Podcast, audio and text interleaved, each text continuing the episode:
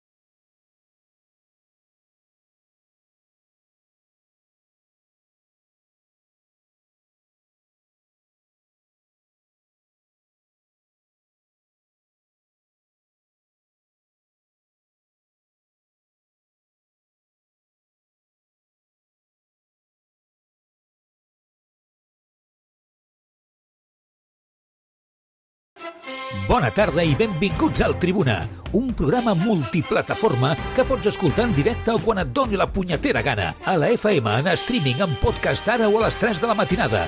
No tens excusa per no escoltar el Tribuna Marca amb Joan Prats.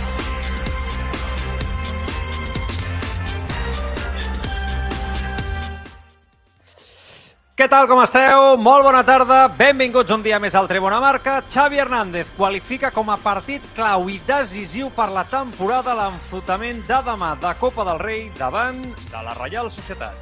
Uh, uns quarts de final de Copa, partit únic. Uh, bé, juguem uh, davant de la nostra afició, que els necessitem. Des d'aquí, aviam si, si el camp pot estar més o menys com l'altre dia, unes 80.000 persones doncs no ens anirien malament i crec que és un partidàs. Crec que és un partidàs. Crec que nosaltres estem en un bon moment de forma, a pesar de l'últim eh, dia contra el Getafe, ells estan en un gran moment de resultats, de joc, de confiança, i es pot veure un gran partit. No? L'Imanol treballa molt bé, és un senyor equip, tant en atac com en defensa, i es veurà... Jo crec que un partidàs. Jo visualitzo un partidàs per les dues bandes. Veurem demà, però sí, sí, a sobre és un, eh, uns quarts de final de Copa molt interessant, molt interessant. I molt macos, afegeixo jo, a nivell futbolístic, sens dubte, dos equips que juguen molt bé a futbol, obert, i que, sens dubte, és un rival que, és que el diu, vam repassar l'altre dia amb el Marc, se li dona especialment bé al Barça els últims anys la Reial Societat, tot i que sempre són partits complicats davant d'un equip preciós de veure el jugar a futbol i que està fent una temporada extraordinària. La convocatòria tornen Ferran Torres i Lewandowski. Fa tota la pinta que l'11 serà el format per Ter Stegen, Koundé, Araujo, Christensen, Valde, De Jong, Busquets, Gavi, Pedri, Dembélé i Lewandowski. Per tant, tornant amb els quatre migcampistes. Demà ja tindrem temps d'especular respecte a l'11 que presenti Xavi. De fet, bueno, pràcticament ho podrem dir en directe a la prèvia del partit. I què ha de fer el Barça per guanyar la Reial Societat? Li pregunten a Xavi, un Xavi Hernández, l'entrenador del Barça, que parla sobretot d'una cosa òbvia, que és treure-li la pilota. Que en molt bona part els hem de treure la pilota, no? Jo crec que ells estan molt còmodes, futbolistes com Zubimendi, com Silva, com Brais, com si juga Iarramendi, eh, crec que estan molt a gust quan tenen la pilota, poblen molt al mig del camp, tenen un sistema diferent, juguen normalment en, amb romba al mig, i això els hi fa tenir molt, sent molt dominadors del joc en pilota, no? I crec que és important nosaltres que estiguem molt agressius sense pilota, que els podem pressionar bé, que puguem dominar nosaltres el partit en pilota, si no serà un partit eh, que podem patir. Podem patir que ells estan molt còmodes en pilota, ells fan molt bé això. I que tenen, tiren la línia defensiva molt bé, molt alta, agressius en la pèrdua, fan moltes coses bé i, i sí, s'assemblen molt al, al model de joc que volem nosaltres. Demà, més que mai, segurament seria important que el Barça demostri personalitat amb la pilota als peus i que intenti ser el protagonista amb ella, robar-li la pilota a la Reial Societat, perquè si no, aquests minuts de tontos no, que hem vist en alguns partits, sobretot en aquest 2023, passaran factura. Eh? La Reial Societat és un equip amb molt més criteri que Getafe, Atlético de Madrid o Espanyol amb la pilota als peus eh, i que, sens dubte, l'equip del Guayaquil juga molt bé a futbol, per no dir que és l'equip, juntament amb el Villarreal, potser més estètic de tota la primera divisió espanyola.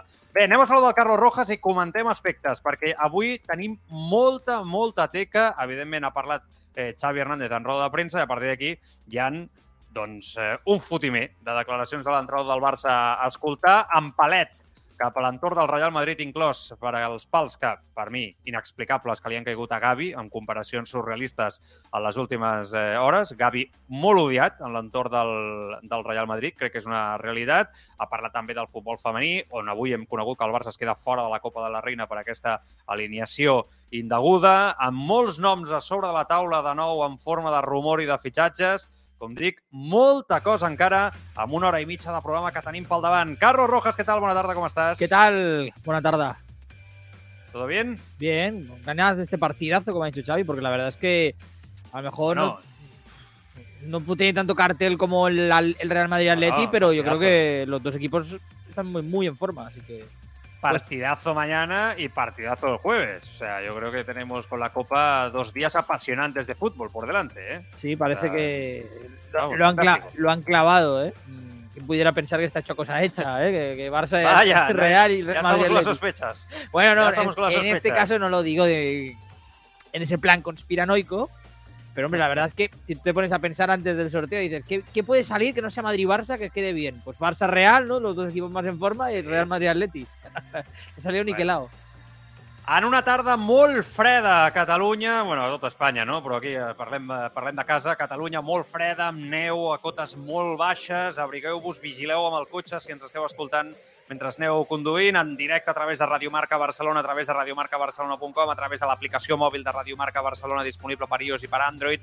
Estem en directe a través del Twitch, que veig allà, i al canal de YouTube també, el Togromi, el Cazaba 10, el DJ Jols, el Javier González, el José de Mataró, eh, qui més? El Juanito Guapito, bé, tots saludant, arribant al xat de, entre YouTube i, i Twitch, també estem en directe a través de Twitter, tenim TikTok, el Tribuna Barça el grup de Telegram que us recomanem, a TikTok som Tribuna Marca, bueno, totes les xarxes socials dites i, i per haver, eh, barrejant idiomes. A veure, Barça-Reial Societat. Jo la veritat és que escoltant avui a, a Xavi en roda de premsa, m'ha fet la, la impressió de que Xavi ha preparat els seus jugadors potser és una impressió que pot ser equivocada, eh? eh però, però des de fora, que per això estem aquí.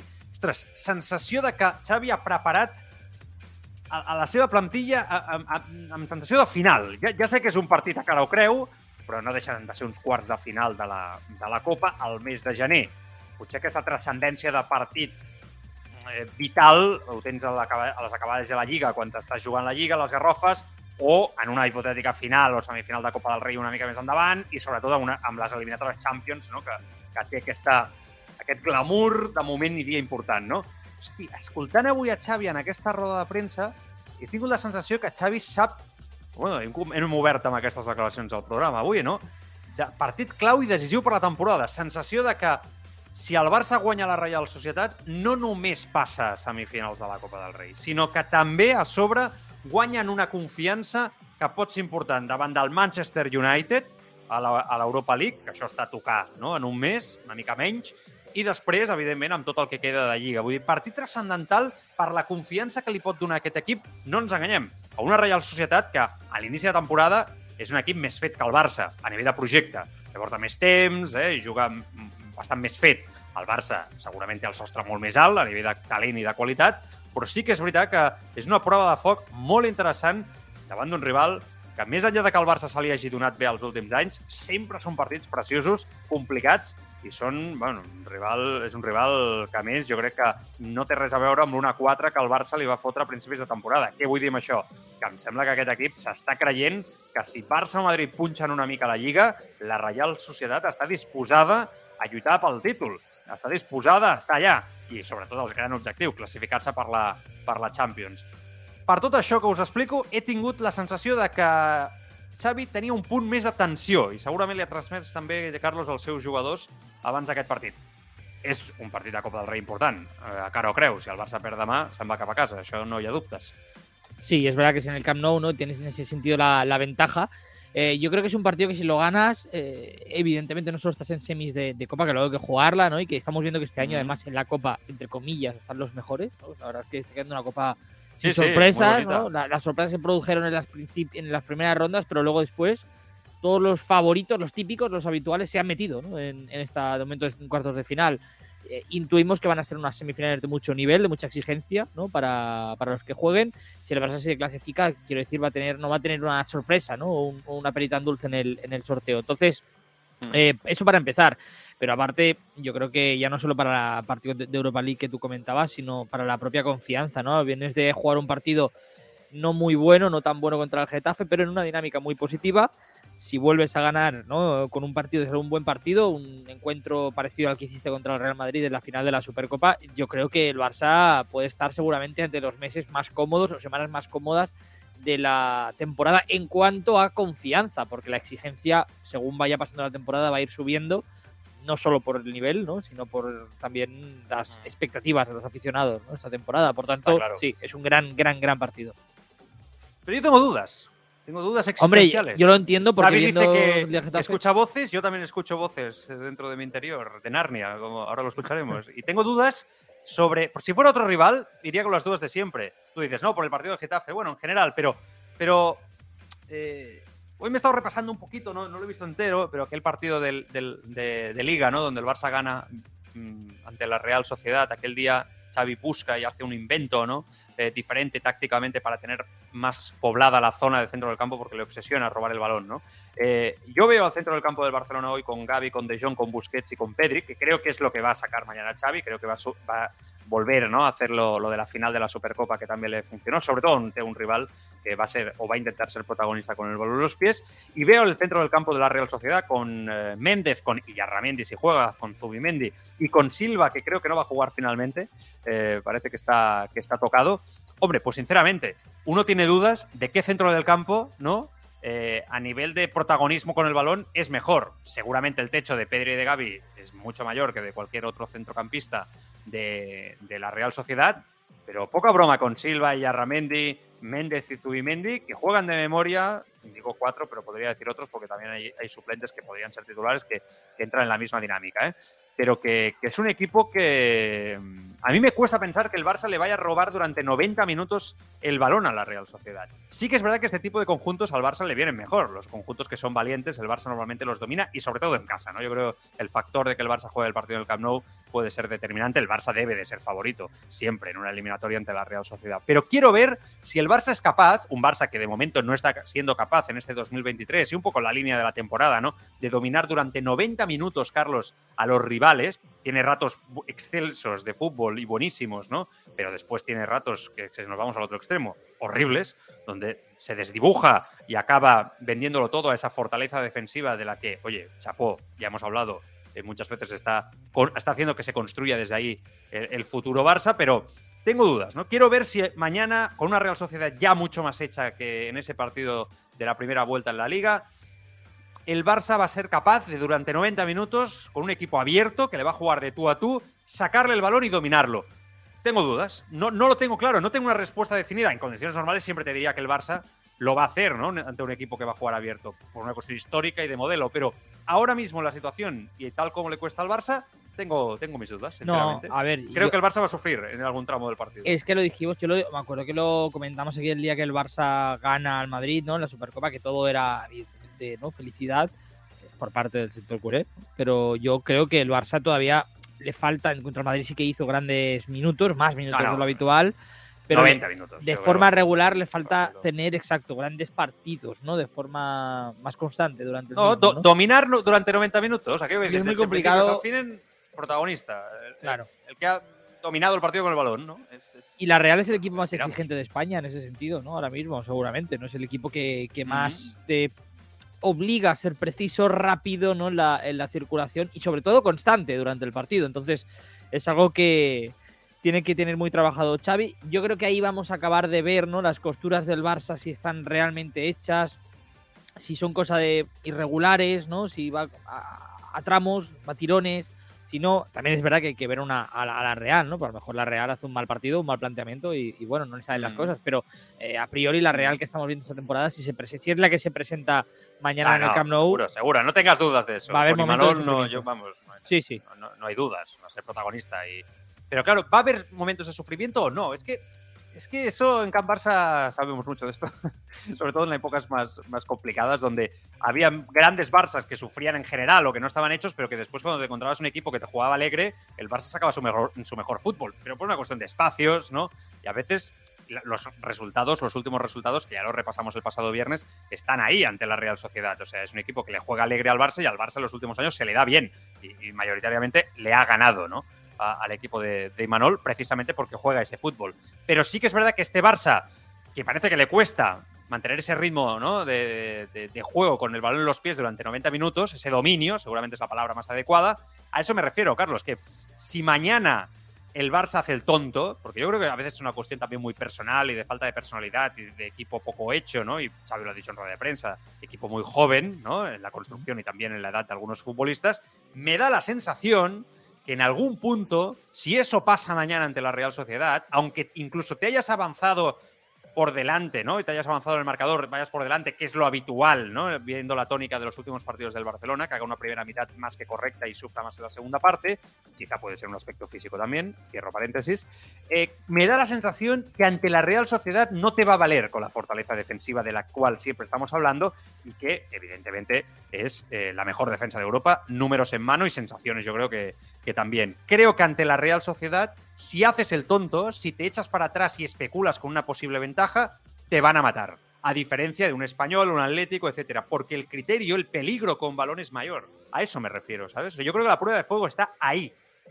A ver, está claro que en este caso el, rival, como plantea también la, fase ofensiva, es importantísima. O sea, importantísimo, ¿no? A tener en cuenta.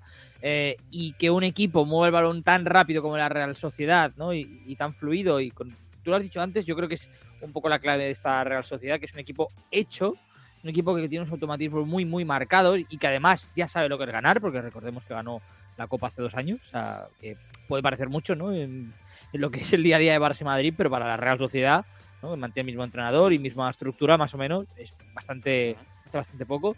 Y, y, bueno, en este sentido sabes muy bien, es un equipo muy reconocible para lo bueno y para lo malo. Es decir, si Xavi ha hecho una buena labor ¿no? a la hora de preparar el partido y el planteamiento, seguramente no sea el de intentar, la mejor manera de parar a la Real Sociedad es dominar tú la posesión, porque yo creo que intentar exponerte, no, no, no exponerte mmm, para que la Real no te encuentre, no te haga cosquillas, es un error, tú tienes que ser protagonista, pero a partir de ahí eh, también conocer ¿no? los, los eh, puntos fuertes del rival. Yo creo que el Barça, la mejor manera de defender eso que tú comentas es desde el dominio de la posesión.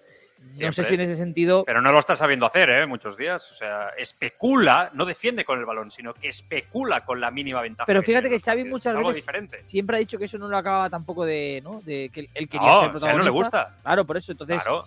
Eh, es un automatismo que a lo mejor, bueno, puede ir incorporar más adelante cuando el equipo también se sienta más seguro con balón, ¿no? Porque el Barça es un equipo protagonista con balón, pero todavía no Bueno, tiene esa excelencia, ¿no? Pero, ¿Cuándo? Pues ya, ¿no? O sea, mira, estoy mira- estoy mirando el reloj. Bueno, a ver, Claro, o sea, no, claro, porque es que para mí esto es el, el- el- el ABC del estilo del Barça, ¿no? El, el hecho de saber defender con balón cuando tienes una ventaja y que precisamente contemporices el juego, el ritmo del partido.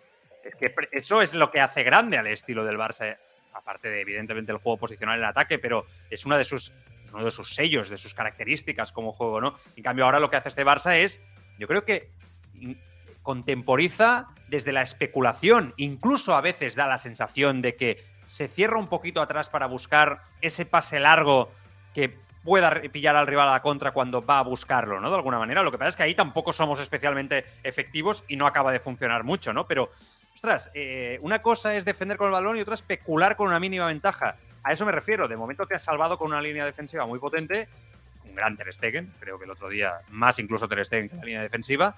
Si mañana vuelves a hacer lo mismo, lo que quiero decir es que contra la Real no te va a dar. Creo que te va a penalizar. A eso me refiero. Bueno, no sé, tampoco quiero eternizar este debate porque creo que nos acompanya a lo largo de l'any, ens acompanya al llarg de l'any i és etern i segurament no s'acaba mai, no? Eh, I segurament la culpa és de, de l'equip, no? O de les sensacions que, que ens dona que encara segueix en construcció. Bueno, eh, un tema d'ahir, llegint missatges, Xavi ha destacat eh, que el fet de que Gil Manzano sigui l'àrbitre no els condiciona en res, evidentment és un dels temes, ahir ja en vam parlar, i han preguntat també a Xavi per eh, com encarar els partits davant de rivals que es tanquen molt com el Getafe. Diu Xavi que depèn més d'ells que dels rivals i que s'ha de ser competitiu encara que, que no estiguin bé. Depende de cómo estamos nosotros también, ¿no? El día de la Supercopa pues nos sale todo perfecto, ¿no? Y creo que está el equipo a un nivel brillante. El otro día estamos más pesos, no estamos tan finos, el nivel de acierto y de pérdidas de balón ya es demasiado, bueno, pues depende del, depende del equipo en qué momento esté. Y esto es el fútbol, es deporte, ¿no? No siempre estás excelente. Hay momentos que no estás tan diferencial, que no estás tan lúcido, pero también hay que sacar los partidos de esta manera, ¿no? Hay que ser competitivo incluso no estando de manera brillante, ¿no? Pero nos va... Tenemos alternativas a, a bloque bajo, a bloque medio, cuando nos apretan alto, hay que tener alternativas en, en todo momento en el juego, ¿no? Es importante. Sí, té alternatives, però no sempre funcionen. Eh, aquest, aquest és el problema, entre cometes. No? Però a mi m'agrada molt aquesta resposta de Xavi, perquè sabeu que una de les excuses habituals quan el Barça no juga un bon partit davant d'equips que es tanquen molt al darrere, no? I quan, quan dic que es tanquen molt al darrere és que foten una línia fins i tot de 5 homes, 4 pel davant i un punta, eh, tots al camp propi i que no hi ha ni un forat per jugar per dins. ¿no? L'excusa de sempre és es que es imposible jugar con un rival que se cierra así. No hay maneras. No, oye, es verdad que es más difícil, es más complicado, pero los buenos Barças que han jugado este estilo, este modelo Barça, este ADN con el juego posicional, han conseguido hacer daño a equipos que eran eh, excelentes ¿no? en las facetas defensivas sin ningún tipo de problema y se cerraban como nadie. Llavors, jo crec que això és interessant perquè Xavi no busca excuses en el rival, sinó que apunta a ells i ell diu, no, si fem el que jo els entreno, si fa, fem el que jo els ensenyo, les coses segurament funcionaran, no? Ara, depèn molt de nosaltres. I després també és, és important en aquesta resposta, que a mi m'ha semblat molt interessant, l'acceptació de no tots els dies serem un 10 hi ha molts partits on segurament haurem de guanyar pues, sent un 6, però la Lliga pues, és aquesta regularitat moltes vegades en els resultats que sense el joc, pues, segurament si a la llarga no tens joc, acabes fracassant, però hi haurà molts partits com el de l'altre dia. El problema és que això, a Can Barça, aquests partits ah, que amb aquesta manca de continuïtat es repeteixen molt, ¿no? Eh, en aquest sentit. Claro, eh, supongo que el Barça, cuando de por sí consigue doblegar a los mejores sistemas defensivos, por mucho que se cierren atrás y sean incluso sistemas antifútbol, ¿no? Para destruir más que otra cosa, ahí es cuando podremos decir que este Barça definitivamente está hecho. Será una de esas pruebas, ¿no? Yo recuerdo el Barça de Guardiola, que aún estando en la excelencia, se iba para casa en eliminatorios de Champions ante el Inter de Mourinho por un sistema defensivo muy parecido al del otro día al Getafe. Bueno, o sea, pero... que es difícil, ¿no? Es difícil. Pero claro, que el Barça generalmente tenías eliminatorios y iba para casa, pero si 10 equipos a lo largo de la temporada se le cerraban atrás, eh, 9 el Barça lo doblegaba marcando, adelantándose pronto en el marcador incluso con goleadas, ¿no? Pues a eso es lo que aspira Xavi con estos sistemas, creo yo, que son el antifútbol del Barça. Sí, eh, pero fíjate que, que, ese Barça, ¿no? Eh, que, tú, que tú comparabas, eh, estamos jugando contra uno de los mejores sistemas defensivos de la historia moderna del fútbol, ¿no? Que Ya. es el Inter de, de Mourinho, yo creo, ¿no? De los mejores que ha habido, digo, este siglo, ¿eh? Eh, no es lo mismo eso que el Getafe el otro día, ¿no? U otros, otros equipos que te pueden complicar. No, no, claro. Eh, Está en el proceso el Barça y yo creo que ahora está empezando a tocar la tecla que lo hemos dicho, ¿no? En los últimos partidos, no por dentro, que le había costado mucho a este equipo encontrarse por dentro. Pero de ahí a tener ese nivel de fluidez, de rapidez, ¿no? De, de saber atacar los Sí. espacios, de generarlos, ¿no? De aprovechar las Bueno, bandas cuando De jugar entre línea, la pared, Exacto, el de tercer no- hombre. no obsesionarse con las bandas, ¿no? Con los extremos. que Es algo que, que- que yo creo que era un poco. Bueno, si es que mi teoría, esto es mía, esto no es, no es de ningún. esto- mi teoría, viendo al Barça en, estos, en esta situación problemática ante muchos rivales a lo largo de ya muchos años, que me hago mayor, sumo años, en el DNI, Ah, no tanto, es no que- bueno, pero a estos rivales, no, claro que no, pero hago coña, pero a, a- a estos rivales les haces daño precisamente más por dentro que por fuera. O sea, por mucho que siempre a veces se dice que es por fuera por donde vas a hacer daño, Claro, pero, yo creo pero que el yo creo dice- precisamente rompiendo por dentro. Claro, pero yo creo que eso se dice que porque por dentro te suelen te, suelen cerrar Bueno, más no hay la espacios. está por fuera. Claro, entonces tú tienes Claro, dos pero si el equipo por- fluye por dentro Ese es el eh, tema. y consigues eh, realmente, y estás bien construido en esa faceta combinativa por dentro, ostras, es cuando realmente le vas a hacer daño a ese, a ese equipo que se cierra tanto atrás. Que no va a ser el caso de, de mañana, lo, lo comentamos más, sobre todo por el tema de, del Getafe, no? que li han preguntat a Xavi.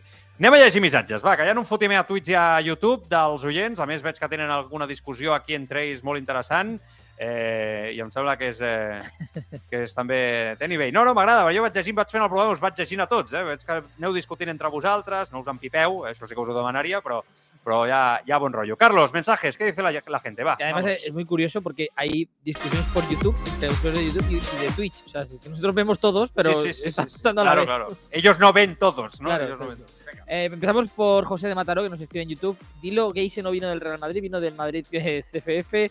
Eh, tu me apuntaba envidia. Es lo que tienen porque Gaby es del Barça. Han tenido a Casemiro, que es un carnicero, ni una roja. Eso sí es una vergüenza. Eh, DJ Yols decía, la jugada conflictiva del otro día fue de Dembélé, no de Gaby. Por eso no entiendo qué tiene que ver Gaby. Hay mucha controversia con esto en el chat de Twitch. Eh, Normal. EduX69 decía la caverna inicia una campaña para hacer ver que Gaby es un leñero y así los árbitros le cojan la matrícula. Por otra parte, sobre el tema de la Real, LBS 1987 apuntaba, la Real juega al fútbol y eso favorece jugar con cuatro medios, con equipos que se meten atrás en bloque bajo, de poco sirve acumular gente en el centro. Daniel H dice, yo este Barça lo veo jugar mejor contra equipos de nivel. No sé si es porque les supone un mayor reto y quieren demostrar, pero contra los grandes ha cumplido, eludiendo Champions y el primer partido contra el Madrid de Liga, que yo digo, es bastante eludir, ¿no? Porque también son muchos partidos grandes. Eh, Damon decía por YouTube, el Barça solo es alegrías de pobres, ya verán cómo el Real Madrid levanta la Liga y la Champions en la cara de los farsas. Bueno, aquí es un comentario de un tipo que ha entrado a generar... Un discordia. merengue, ¿no? Un, un merengue que está en los chats. Y ahí la pelea que tú que has estado leyendo, sí, porque hay mucha gente que Se se han enganchado. José de Ah. Mataró le ha respondido y demás. Eh, y un último comentario. Palabras de 177 apuntaba. El tema no es si un día tienes mal pie, que es lo normal. El problema es que en todos los partidos, cuando nos apretan, se nos descontrola. Aquest, aquest, la manca de control, eh? la falta de control, que és el que decimos. Aquí nosaltres donem veu als eh, oients perquè sou part important amb els vostres nics i volem que, que també formeu part de la família del Tribuna Marca d'una forma activa i per això ens agrada tant no? que en aquest cas sigueu sempre habituals no? i participeu a través de, dels xats. Eh, més talls de Xavi en aquesta roda de premsa. El tema de la porteria.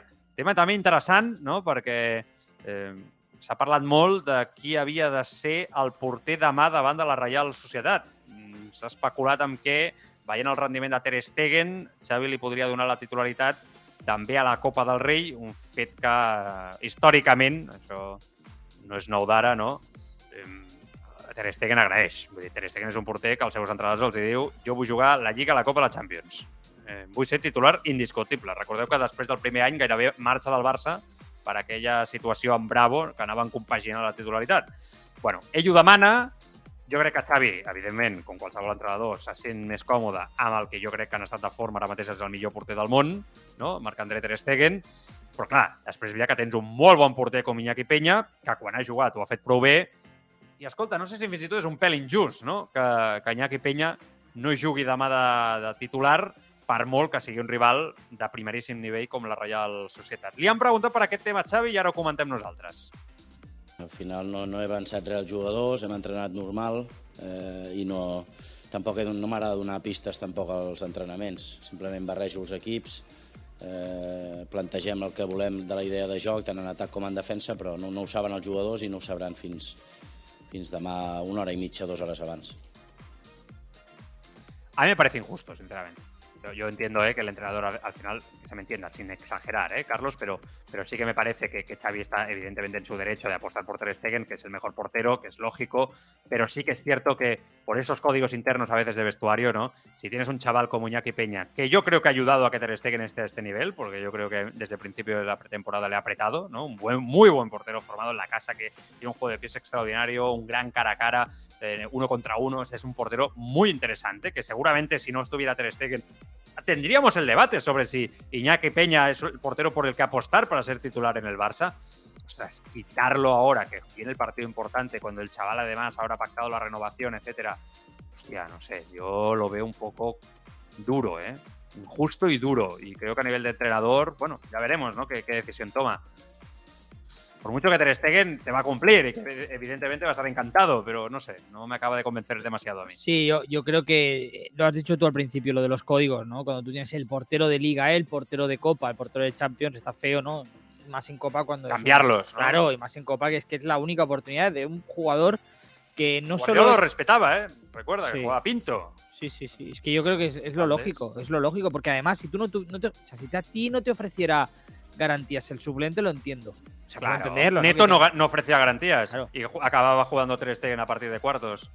Pero Neto no jugaba bien. si tú tienes un, un jugador que además no solo, o sea, es que no solo es el culpable de que Ter Stegen haya subido el nivel, es que yo creo que ya te ha demostrado que podría ser, no de- para mí no el portero top del Barça, ¿no? Pero un portero perfectamente titular cuando se lesione Ter Stegen o Sí, no sí. esté disponible como Iñaki Peña de, puede jugar.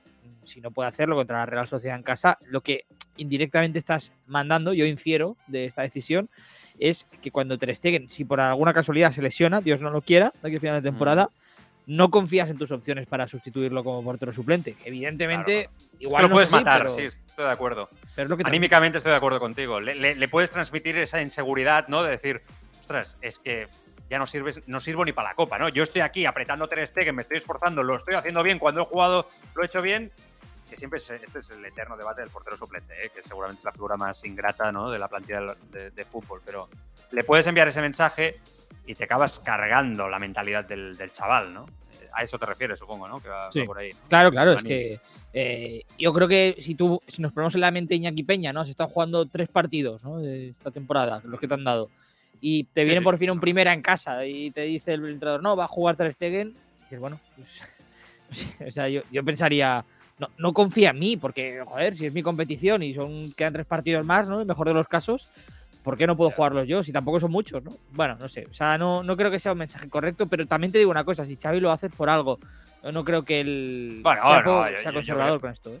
si, si pone a Ter Stegen es porque simplemente quiere poner a los mejores, ¿no? En este caso, en un partido que consideras lo que te he dicho, trascendencia de final. Yo, yo lo he visto en la rueda de prensa de hoy. Eh, un tono, ¿no? De, de partido clave, de partido básico, ¿no? Para, para la temporada en sí, también en lo anímico y en la confianza del grupo, ¿no? Ganar a esta Real Sociedad no es fácil, es un equipo que tiene una sensación, vamos. Yo creo que este equipo mm, vamos, me da la sensación que va a llegar muy lejos esta Real Sociedad.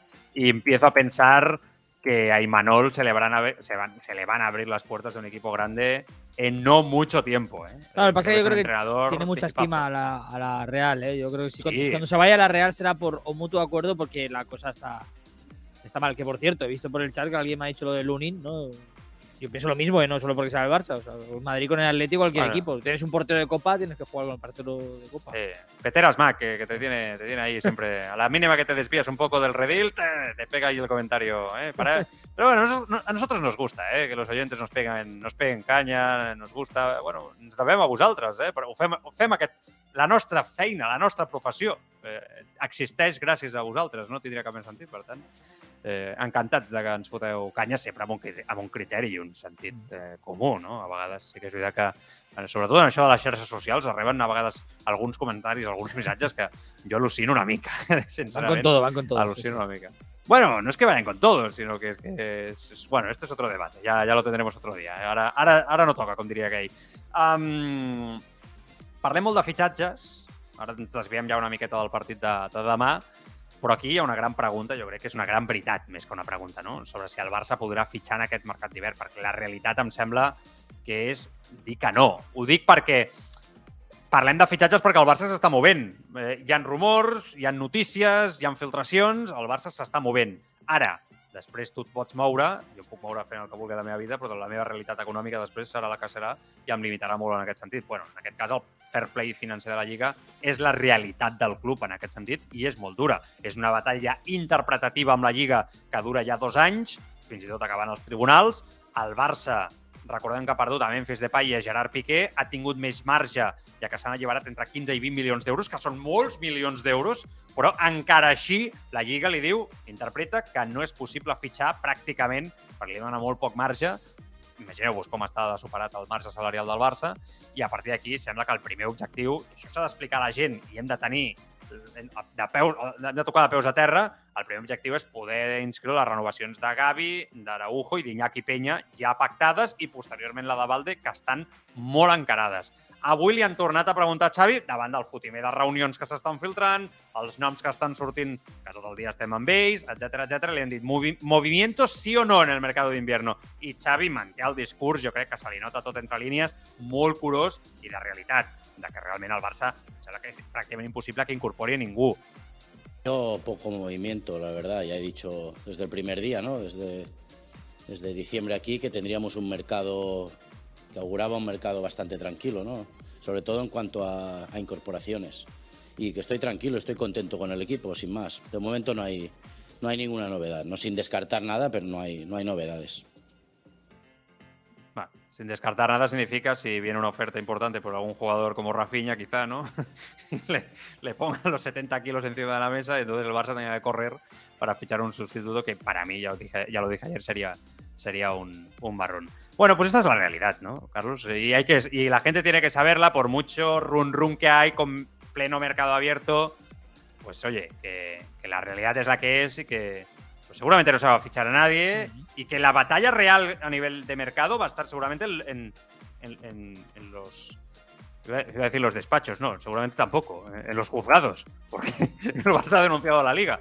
O sea, es que ese es el, esa es la batalla del Barça por poder incorporar jugadores, ya no en este mercado de invierno, sino en el próximo verano. Sí, sí, al final yo creo que el Barça desde hace tiempo está pensando en, la, en ese verano ¿no? que, que comentaba. Yo al final el mercado de invierno entiendo que todos los movimientos, ¿no? lo, lo, de los 70 millones que ahora apuntabas por Rafinha y demás, incluso si se autorizara esa venta, pues si llegara, yo creo que vamos, hay fiesta ¿no? en el despacho de la porta.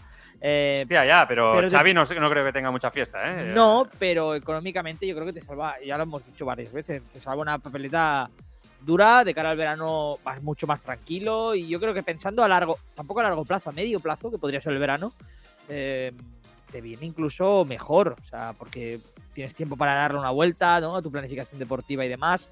Es cierto que te condiciona mucho lo que es la lucha por la liga, mucho. no nos vamos a engañar. Mucho. Es una, sería un, un, una venta de los habituales, digamos, con esta plantilla que está bien, pero si ya tocas algo ya se desajusta, sería, para pero, la expresión, una putada. Claro, pero, pero te das cuenta que estamos aplazando el debate al verano, ¿no? Porque en verano, viendo cómo está la situación bueno, económica claro. de la liga, estás obligado a tener esto. O sea, ahora mismo lo rehuyes, puedes hacerlo. Bueno, ya no solamente la situación económica, sino el, el, la, lo que has pagado por un jugador como Rafinha o Ferran Torres, por ejemplo, y la calidad que te han dado y la devaluación que tiene el mercado. El debate, o, o sea, el tema te va a explotar en, en, verano seguro. Yo creo que son conscientes en el Barça de eso.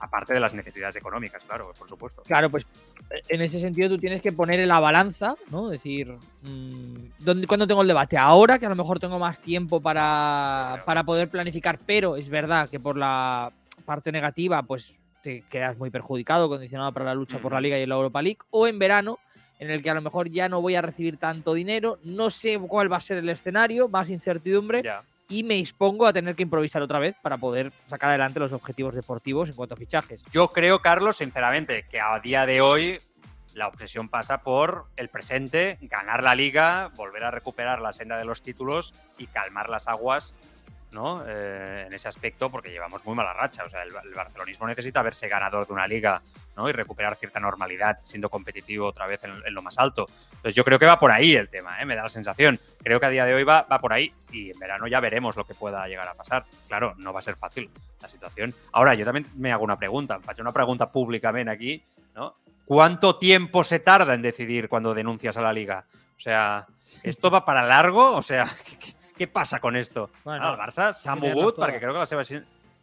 ¿Qué quieres decir con eso? No, tienen que tenerlas todas consigo, ¿no? Pues si no... meterte en una liga y perderla, en una liga, en una guerra y perderla contra la liga, uf. Bueno, pero el, Bar el Barça ya ha ido a la guerra contra la Liga, con esa denuncia que ha movido y tal. O sea, yo creo que eso ya, ahí ya está. Entonces, a partir de aquí, què passa? Perquè ells creen que... És que és molt curiós, perquè és que aquí tot el dia estem dient el Barça no té fair play, el Barça no té fair play. Vale, vale. Segons la teoria de la Lliga. Claro, es que porque en el Barça cuando preguntas te dicen, no, es que nosotros pensamos que la Liga interpreta mal nuestro fair play. Y nosotros tenemos otra orden interpretativa y por eso creemos que la Liga nos está perjudicando y por eso creemos que hay que denunciar a la Liga porque estamos siendo perjudicados como club. Entonces, claro, ahí esto es muy interesante, ¿no? Y evidentemente la Liga manda o rige las normas en estos momentos, ¿no? Pero, pero vamos a ver qué pasa en el futuro, porque si viene un juez en un momento determinado y acaba diciendo, ¿no? Si el Barça se mueve como parece en esa línea, no, no, el Barça tiene razón, ah, entonces, ¿qué contraprestación hay ahí? Sea, este tema, ojo, ¿eh? porque yo lo voy a seguir muy de cerca porque creo que es muy importante para entender la situación también del Barça en el mercado, más allá de reconociendo una evidencia, es que las cosas en el pasado se hicieron muy mal y que el margen salarial estaba por las nubes a nivel de plantilla. Que yo creo que esto es obvio y que el propio Laporte y su gente lo reconocen, pero creo que ellos interpretan que el Barça se debería de poder mover en otros parámetros actualmente también. Es verdad que la liga, con el tema de la nueva normativa que aplicaron con la palanca, ya ha perjudicado claramente con el tema de las palancas para que tú puedas eh, sacar de esas palancas dinero para poder eh, fichar, ¿no? Sobre todo a nivel del margen salarial. Eso es una batalla, una guerra que hay ahí montada, que vamos a ver cómo acaba. Y yo insisto, yo lo que espero es que este criterio esté claro, ya no para este mercado, que creo que aquí ya es imposible, sino para verano. Porque si, fíjate Carlos, la situación cambia, ¿no? Y el Barça va al mercado de alguna manera el próximo verano con más garantías de las que le da ahora la liga, pues esa situación de que tú narras con Rafinha, por ejemplo, ya no, es, ya no hay esa, esa, esa presión, ¿no? Quizá ya es diferente. Ya el margen que puedas tener ya es un poco diferente Claro, porque sí, sabes sí. que te vas a poder mover al mercado. Es que yo creo que lo que condiciona es esa estrategia ¿no? que hablábamos era un poco el ese cambio a finales de 2022, ¿no? Claro. Los últimos días de 2022 de, de la normativa que fue una auténtica locura, ¿no? Para el Barça, porque tú ya es verdad que lo que es deportivamente a nivel de fichajes los clubes se empiezan a mover, siempre se dice febrero o marzo, pero en Mm. diciembre tú supongo que ya estás pensando el presupuesto que vas a tener, ¿no? Para, para verano y, y sobre Claro. todo cuánto te vas a reservar para enero y de repente te pegan ese hachazo, ¿no? Es que es una, una auténtica locura y más si estás en una situación límite, porque el Barça a priori, suponemos, ha pasado lo peor, pero continúa en una situación delicada, pues eh, afecta el doble. Bueno, uh, anem amb el tema Gavi. Jo crec que ha sigut el gran moment de la roda de premsa eh, eh, avui de Xavi Hernández. Per mi ha estat especialment bé, ara l'escoltem, però ja us ho avanço. Eh, és que a les últimes hores, para mí de forma una mica sorprendente, yo creo que vamos a poner sintonía de tensión, ¿no? Un poquito, yo creo, para esto. Sí, va- Venga. vamos a darle un poquito. Vamos, sintonia... Ah, no, encara que sigui per fer una mica el show, una miqueta de tensió, perquè aquest tema jo crec que ha cabrejat a molts culers, eh? el que s'ha arribat a escoltar les últimes hores amb, amb Gavi. Eh, bueno, li han donat per aquí, no? Li ha donat per aquí una mica l'actor del Real Madrid. A les últimes hores hem escoltat algun debat comparant a Vinícius i Gavi en forma de provocacions, no? De, el tema de la provocació, de, de com provoca Vinícius, eh, de com es queixa constantment, de com reclama... Bueno, que jo crec que és per mi una obvietat, no? que aquest jugador té un problema i el Real Madrid han de parlar amb ell, amb ell, amb ell i segons hi ha gent que pensa que, que és el mateix amb Gavi, que Gavi provoca, que es queixa, que, eh, bueno, que és una mica ploramiques, no? Eh, I li han preguntat a Xavi, en dues respostes per mi impecables amb aquest tema. Xavi ha donat una resposta per mi, com dic, impecable, de defensa del seu jugador, per mi té tota la raó en el que diu, i recorda, atenció, al Villarato. Recorda el Villarato. Xavi Hernández, contestant al tema de Gavi. Me parece una tontería. O sea, hay un árbitro que, que decide, ¿no? Al final es el que decide, él, es- él le pone pasión, le pone coraje y. Gavi que esté tranquilo, ¿no? Eh, considero que le pitan pocas faltas a él. Imagínate, para mí es al revés. Para mí es al revés. Considero que, que es un futbolista que le hacen muchas faltas y le pitan poco. O sea, yo lo veo, lo veo al revés. Lo veo al revés. Es de los creadores del, del Villarato esto, ¿no? y del doping también. Bueno, eh, també ell ho diu perquè la pregunta també va en la línia de la següent comparació, que és la que us volia explicar. La següent comparació, el tema Vinícius és una comparació. La següent comparació és Casemiro. No sé, s'ha posat de moda l'entorn del Real Madrid dir que mm, Gavi és com Casemiro i que Gavi és un jugador també mm, molt dur i que físicament és bueno, un guarro, ¿no, Carlos? Que se dice un jugador eh, Sí. un marrano futbolísticamente, ¿no? Es un guarro, Un canchero, sucio, canchero, jugador- se dice ahora, ¿sabes? Canchero, sí, és, bueno, ah, sí, parenquita.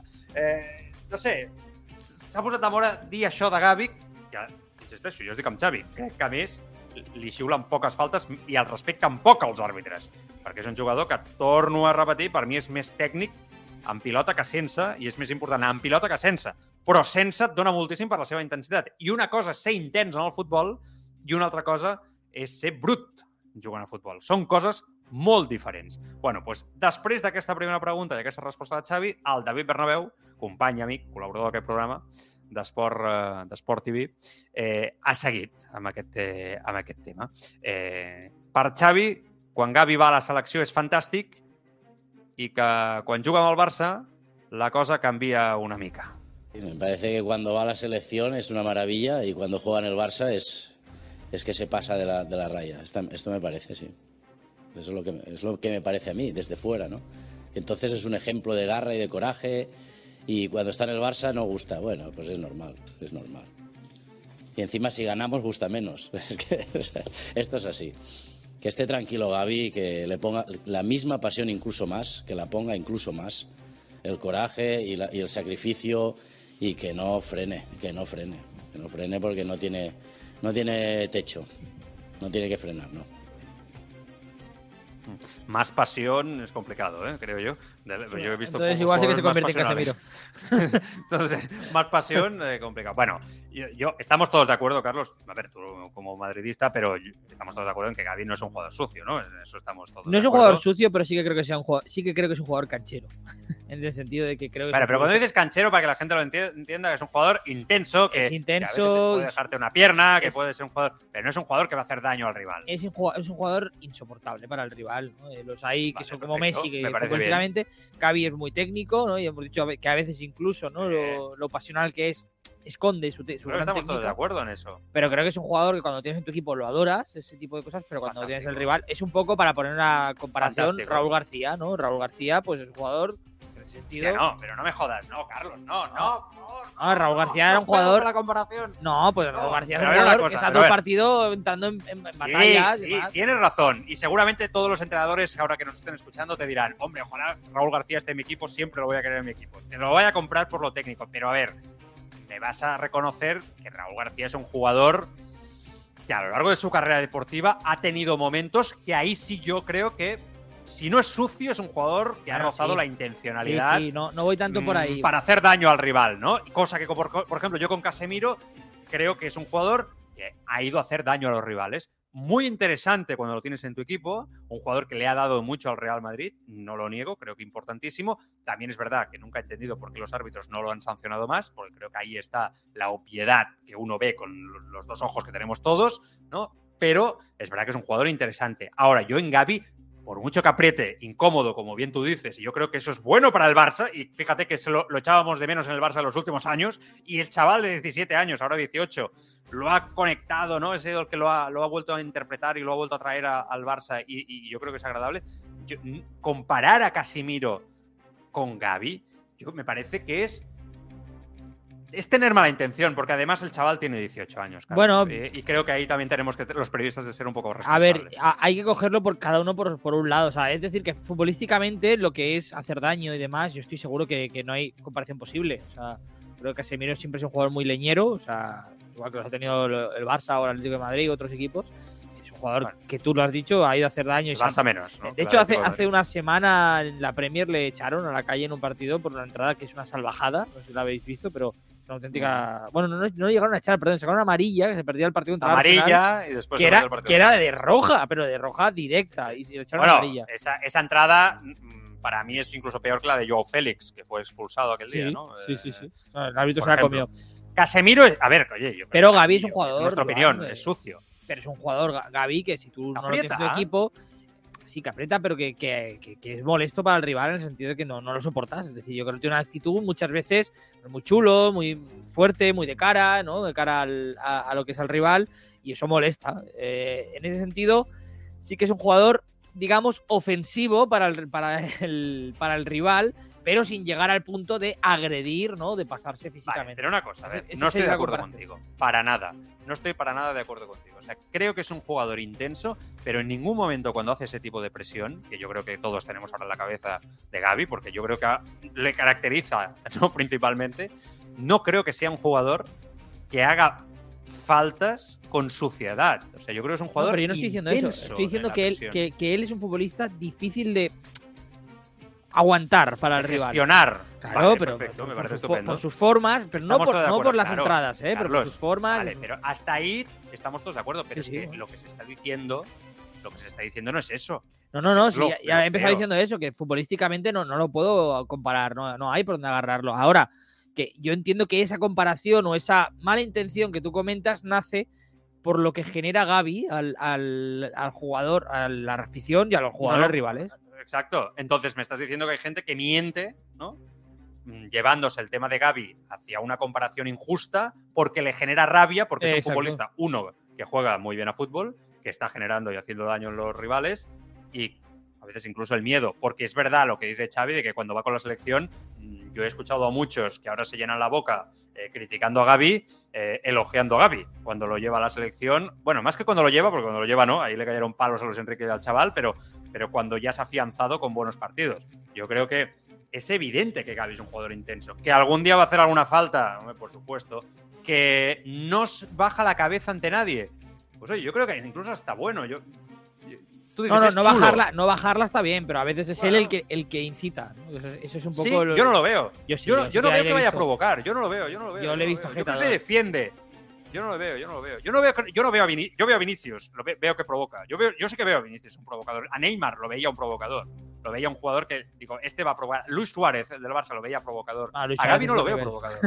No, pero, Claro, pero- pero- Gaby, yo, por Para, ejemplo, para mira. que veas que no hablo de uno equipo o otro. otro. No, yo no, Gaby sé, no lo sé, veo un provocador. el partido, por ejemplo, yo me acuerdo, el día de Marruecos, de España-Marruecos, ¿no? Hay una acción en la que Gaby creo que se, se va un poco pasado de revoluciones con un jugador de Marruecos con el que empieza a dar golpecitos y, y toques. ¿no? Y mira, ese día no iba con la camiseta de, del Barça, que decía Xavi.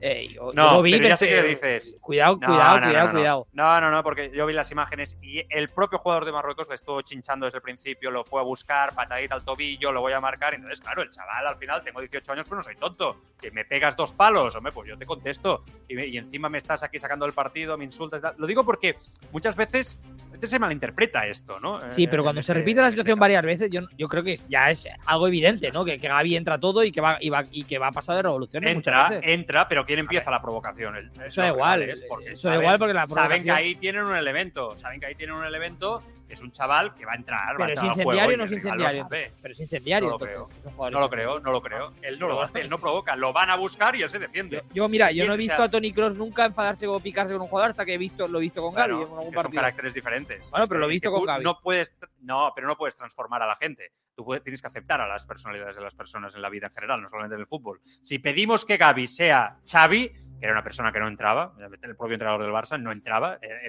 dialécticamente te dejaba un comentario, etcétera, pero era mucho menos, ¿no? Eh, peleón, digamos, que lo que es Gaby.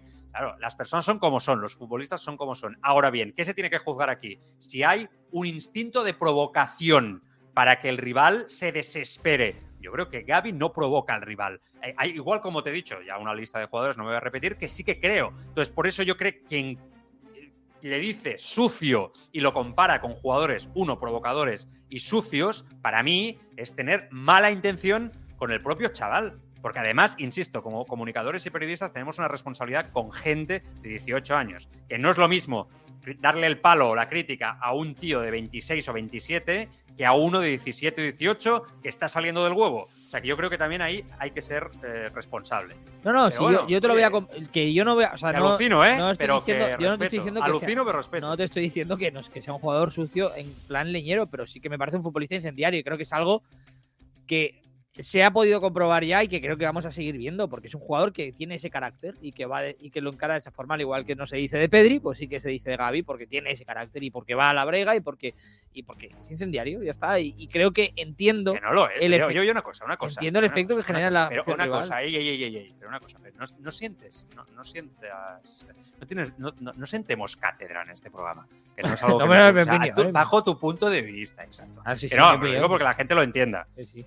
Que, no, jo tinc un punt de vista, el Carlos té un altre, però, però que, que entenem que hi ha altres punts de vista. Que ens sembla al·lucinant a nosaltres. El Carlos li sembla al·lucinant el que jo dic, que jo em sembla al·lucinant el que diu el Carlos, o jo em puc eh, semblar al·lucinant el que diu aquell. Bueno, però que també entenem que la vida no només s'ha de veure des del nostre prisma. Eh? Això és molt important. Vull dir que ens caracteritza com a programa i vull que segueixi sent, sent, sent així. Que Gavi tindrà mil coses a millorar encara com a futbolista perquè té 18 anys, eh? Que jo sóc el primer que ho diu i que, escolta, els propis eh, companys dels seus propis equips a vegades han dit no, que va molt fort. Jo recordo unes declaracions de Coque no? amb la selecció el Mundial que deia, joder, ya me gusta que vaya todo, pero a veces me pega unos palos, ¿no? Que el tío me quiere robar el balón i tal. És normal, aquest, fruit d'aquesta intensitat. Mala fe, cap, que va provocar gratuïtament no, el rival? Jo em crec que no. El Carlos diu que sí. Bueno, okay. El debat està servit. Xavi ha parlat i jo crec que avui ha estat impecable. Y a partir de aquí, supongo, supongo que lo mejor de todo este debate, Carlos, es que el chaval tiene 18 años y la carrera deportiva va a ser tan larga que va a ser la que va a dic- dictar sentencias Claro, sobre el chaval.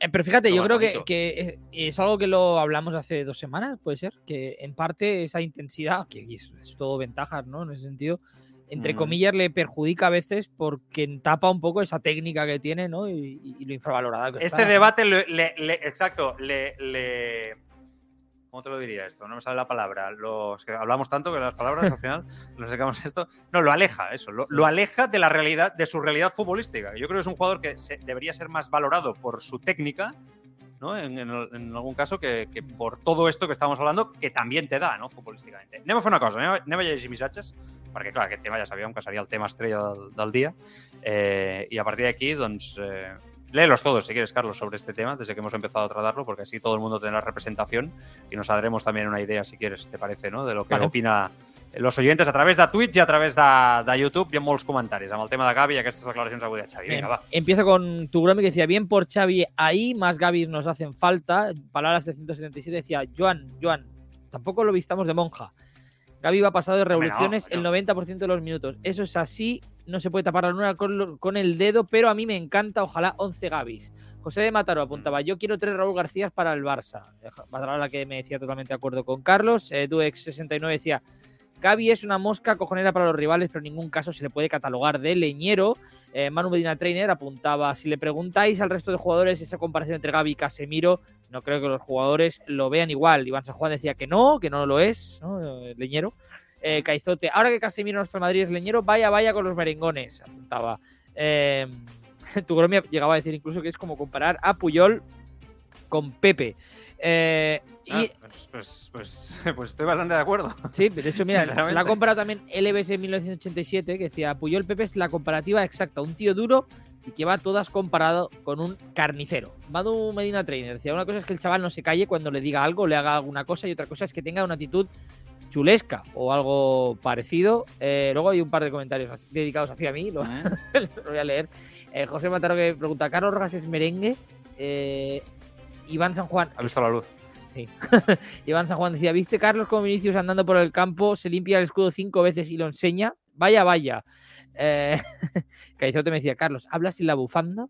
Eh, EduX69 dice, si le quitas a Gaby la intensidad con la que juega, su rendimiento bajaría un 70%. Y, acabo con Palala, 777, que decía, no, Joan, Gaby tiene tics de provo- provocador, creo que quiere decir provocador, en otro perfil al de Vinicius, pero si provocan los rivales, sea por edad o por carácter, pero sí tiene ciertos detalles buscando a los Vale. rivales. Hay que diferenciar provocar con mala intención o con maldad y otra es el pique con los rivales, el cual a Gaby le va a la marcha. Vale, gràcies a tots per participar. Ara li pregunto per aquest tema al Josep Pons i a la Maria José Hostalric, perquè em sembla que també és un tema, un tema interessant. bueno, mira, els incorporo ja, que els tinc per aquí, i, i ja anem, anem directes al, al marro. Maria José Hostalric, què tal, Maria José? Com estàs? Bona tarda. Bona tarda. Ui, a veure, us escolto... Eh, a veure, se't veu, se't veu així una miqueta, ara et veig millor, però la senyal em sembla que arriba com una mica de delay. A veure si... A veure, vull saludar el Josep Pons per veure com... A veure si acabem de, de quadrar-ho tot. A veure, Josep, bona tarda, com estàs, crac? Molt bona tarda, Joan, Maria Vale. José, Carlos, la Maria José, eh, doncs. bona tarda. Vale. Fresqueta però bona, Vale. què tal? Sí, fa un fred que pela, eh? Maria José, si pots posar-te auriculars o actualitzar, millor. Eh, Ja està. El navegador. Ja Vale? els tinc aquí, I tornar- Joan. María No, José, tu, Josep, tu. Maria José, tu, Josep B, tu, Josep B. Aquí, aquí, tu, bé. Josep B, tu, Josep B. Bueno, Endavant. Bueno, a veure, anem per parts. Eh, Josep, començo per tu. El tema aquest de Gavi, aquestes comparacions amb un jugador més brut com pot ser Casemiro, eh, que si és provocador, no és provocador... Eh, estàs més o menys d'acord amb tot el que s'està comentant i amb la defensa que ha fet avui Xavi Hernández en roda de premsa. Estàs aquí, Josep? Eh, et Sí, pregunto sí, sí, estava Què opines? connectant els auriculars, Tu. Joan. Vale, se t'escolta bé, bueno, tranquil. A veure, a veure, eh, estem acostumats ja que eh, des de temps eh, immemorials, des de l'època del Koala Di Stefano, Madrid sempre Mm? eh, ha intentat tapar eh, el que és eh, el jugador que destaca en un moment determinat. Eh, això forma part de la història. Ho hem vist constantment comparant barbaritats com Robben eh, amb Messi, eh, després el Cristiano Ronaldo, que evidentment, objectivament, són un altre nivell. Això s'ha produït sempre.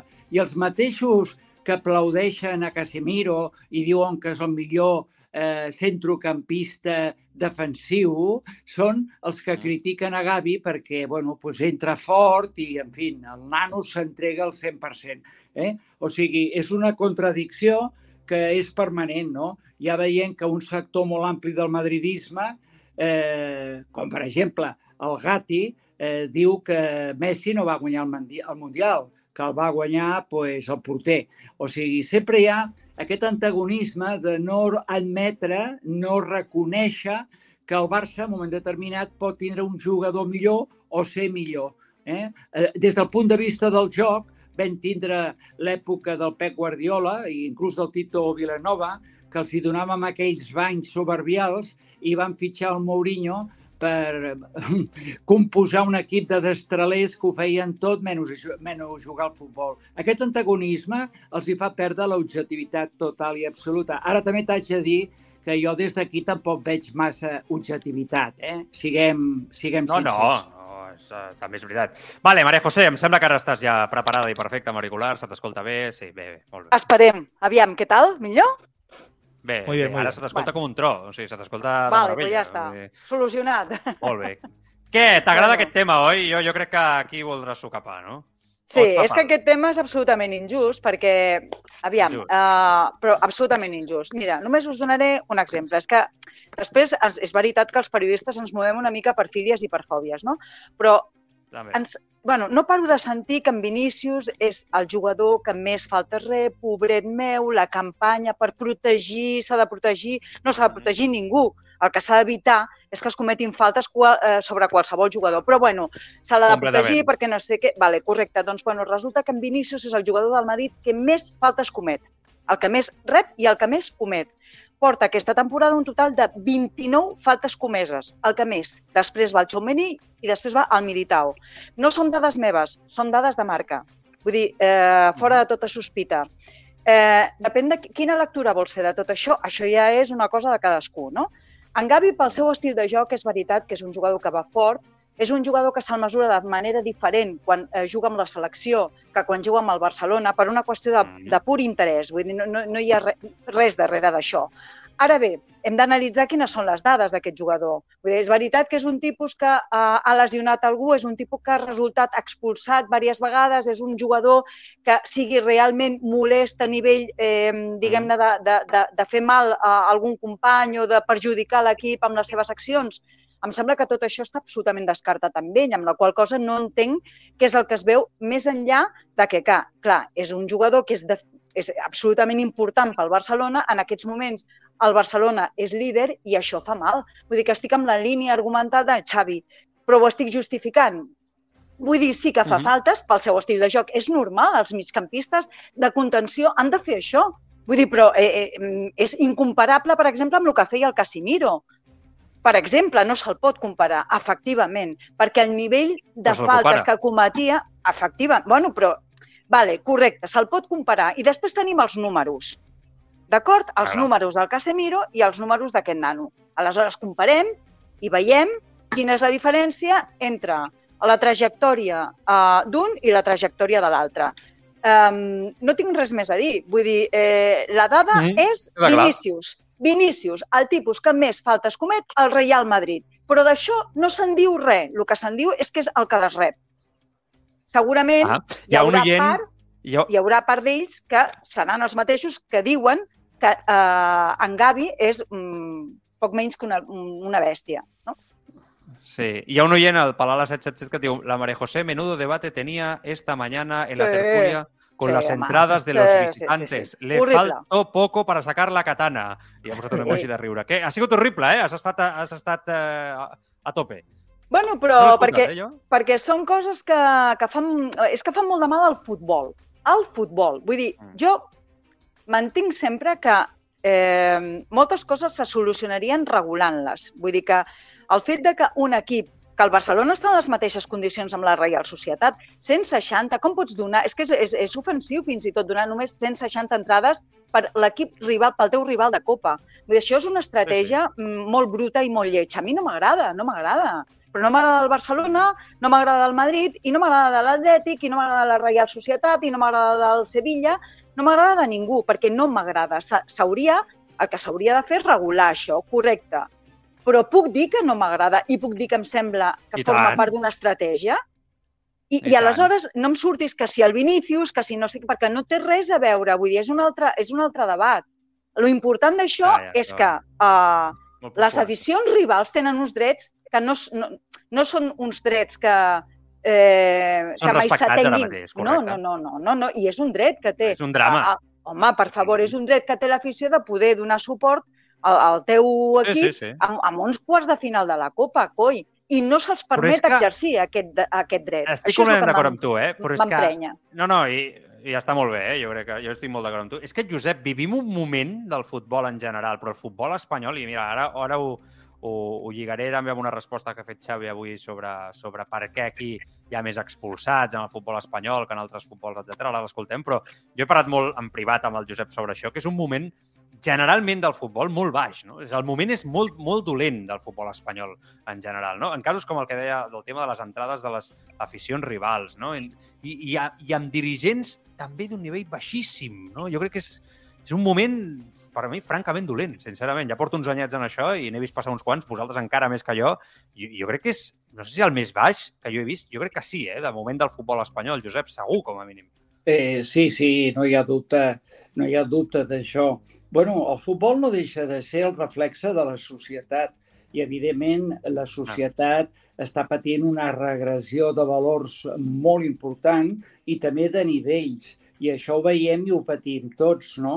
O sigui, quan més recursos hi ha, perquè hi són, perquè veiem que hi són per algunes coses sí, però per altres no, doncs és aquest moment en el qual doncs, veiem més violència, veiem més com el papi i la mama eh, s'insulten, es descalifiquen per comptes de focalitzar en solucionar els problemes que tenim els ciutadans de, de seguretat, de neteja, eh, d'ocupacions... Eh, Tema molt social, no? Eh, molt social. No, no, faig aquest símil comparatiu amb el sentit sí, sí, que sí, sí, t'entenc, t'entenc el futbol és el reflexe de la societat i, evidentment, sí, sí. estem en una societat que té una crisi de valors molt important i per això s'ha d'haver tingut experiència i viure altres èpoques i el món del futbol reflexa. Quan havíem vist que els aficionats del Montenegro Club de Futbol amb els aficionats del Pelagatos Futbol Club es trobessin a les 11 del matí i es convoquessin per pagar-se. Quan ho havíem vist, això, amb el futbol?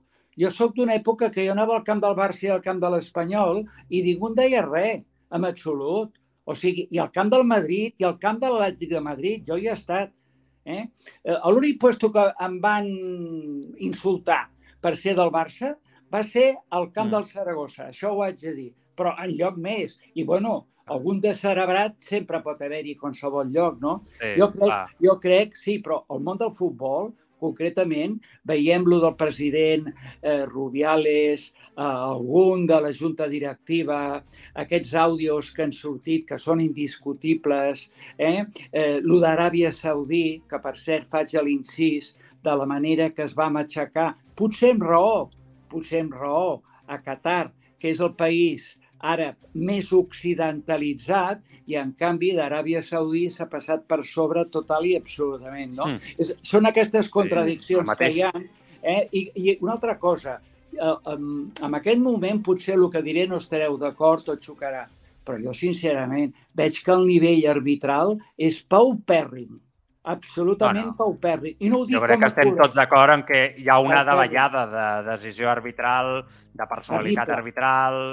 Sí, sí. Terrible. No Amb més eines, s'aclaren. no? Per no no fallar. s'aclaren. És que no s'aclaren. No saben el que és ni el que no és. Perquè escoltes amunt i et diu que és i l'altre et diu que no.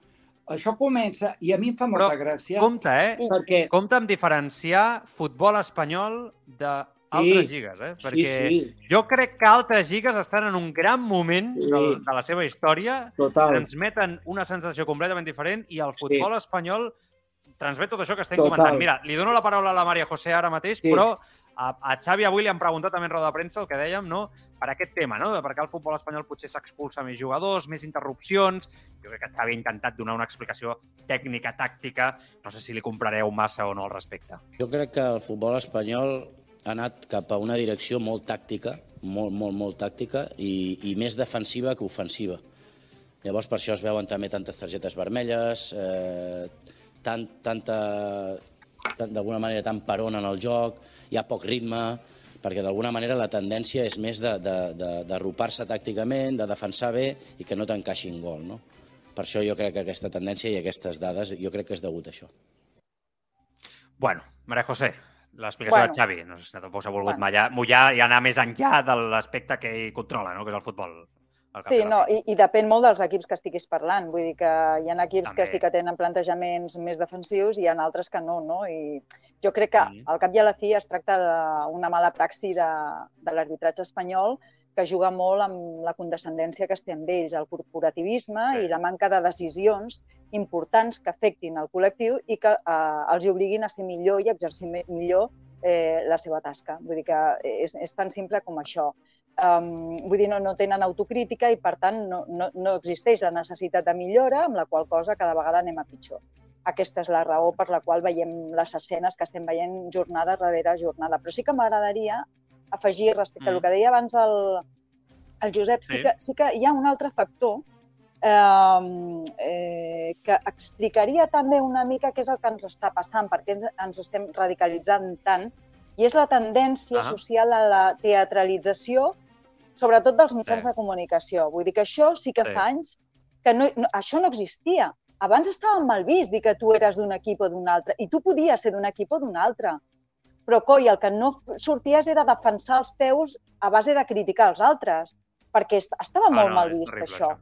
I ara, eh, què fa? Que la gent continua aquesta estela i l'opinió pública i l'aficionat segueix aquesta estela perquè si està permès als mitjans de comunicació, que són, diguem-ne ara, una eina pedagògica, doncs vinga, nosaltres també. I això és el que està embrutint absolutament el futbol. Ara, més enllà d'això, és veritat que tot el tema de les targes, de la, diguem-ne, de la- de l'embrutiment que hi ha sobre un terreny de joc, sí que jo crec que és un mal exercici de la- de l'arbitratge. Mm, Res més, vull dir, és simplement Jo- això. Jo crec que el Josep. reglament, el reglament no, no és clar.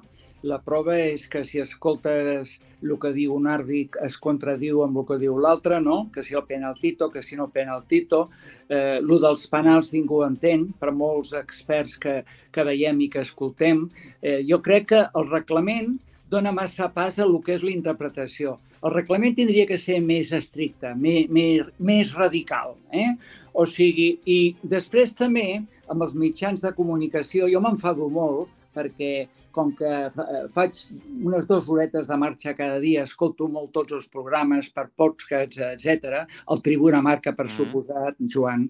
Eh? Gràcies, Josep. Eh, sí, i sí. I, i, I em molesta molt quan diuen no, el bar, què és el bar? Que, que el problema és el bar. El bar, perdoni, Mm. perdoni, el BART és un escàner objectiu. El problema són els incompetents que l'interpreten. Parlem clar. O sigui, eh, un doctor fa una ressonància.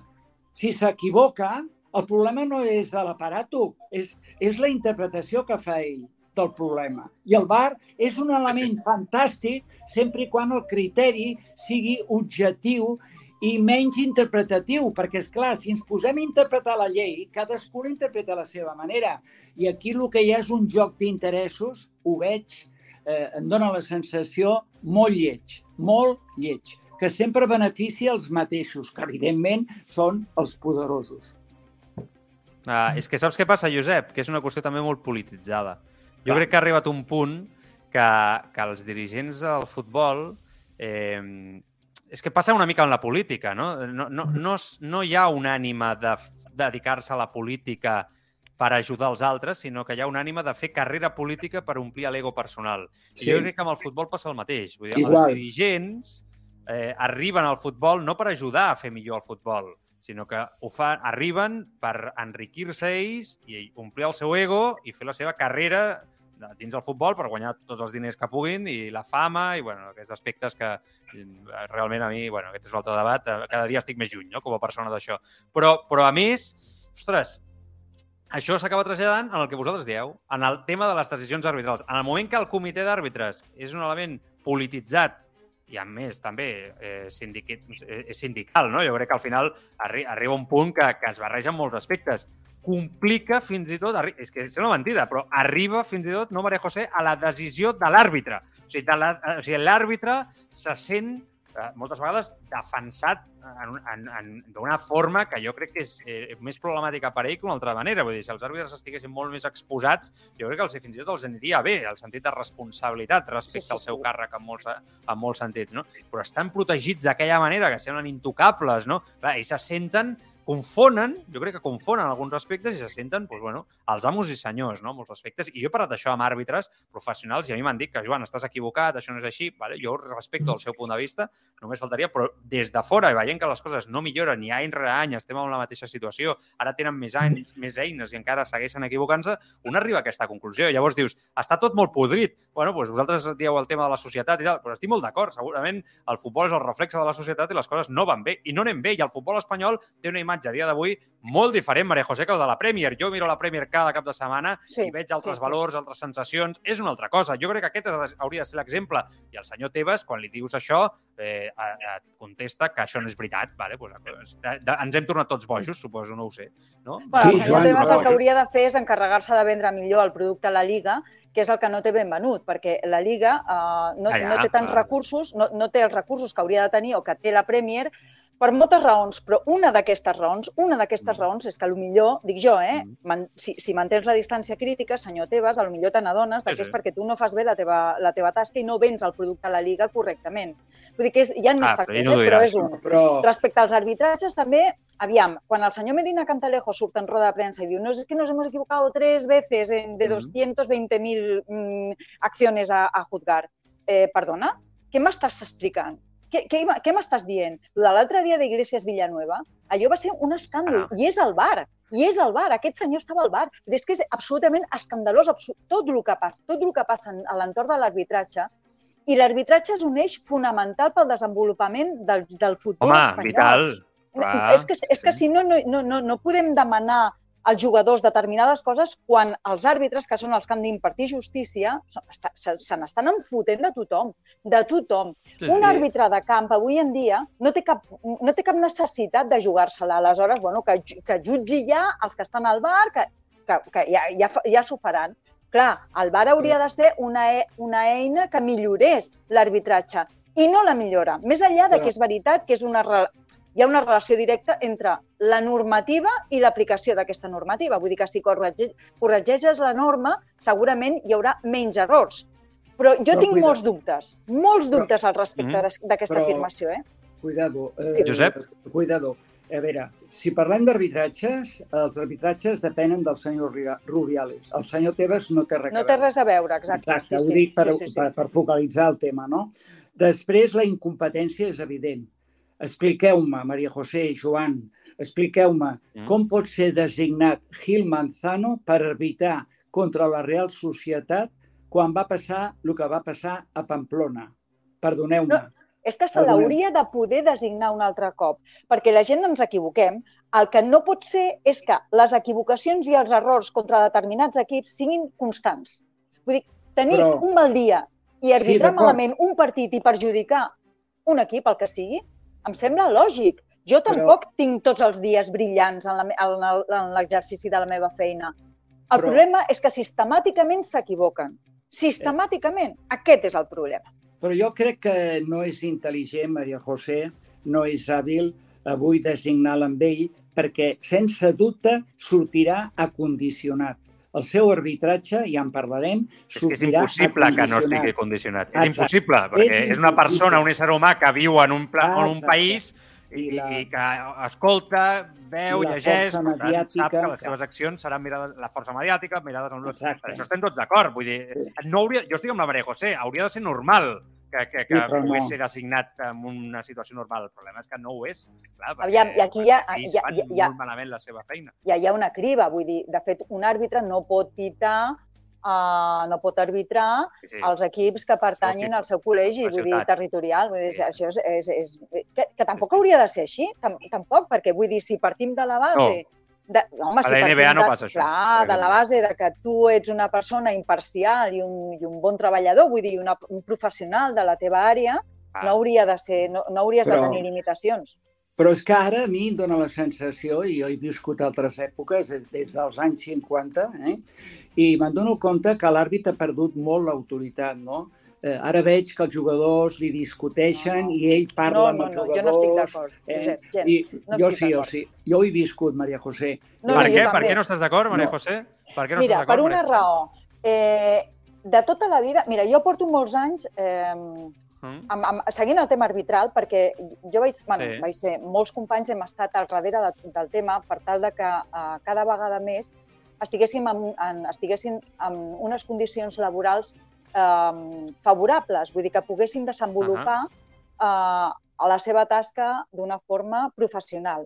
Per què? Perquè jo he viscut l'etapa en la que els àrbitres no eren professionals, en els que Sí. no estaven professionalitzada la tasca de, Sí, sí. de l'arbitratge. I jo he Ah, lluitat moltíssim per aconseguir que ells tinguessin Mm. un escenari en el qual poguessin dedicar-se exclusivament a això, és a Sí, dir, clar. poguessin deixar la seva feina i dedicar-se Que a a priori això els a havia de fer millors, no? Clar, però no ah, solament exacte. això, no Eh. solament això, estan cobrant moltíssims diners per millorar-se, per formar-se, per treballar, per si tinc un error Tenen corregir-lo. eines. Home, no em fotis, que aquí hem lluitat molt per ells, molt per ells, i t'estic Maria José. parlant de fa 25, 25 anys, Sí, no sí, sí, tant, sí. eh? Eh, Vull dir, hem estat els primers que hem aprofitat el micròfon que teníem davant per reclamar la professionalització del col·lectiu. I veure ara Sí, sí. les sinvergonyades que fan jornada darrere jornada, és que em sento que em prenen el pèl. Ningú ha lluitat Ah, per tu i tu ara fas això. Jo, Home, per favor.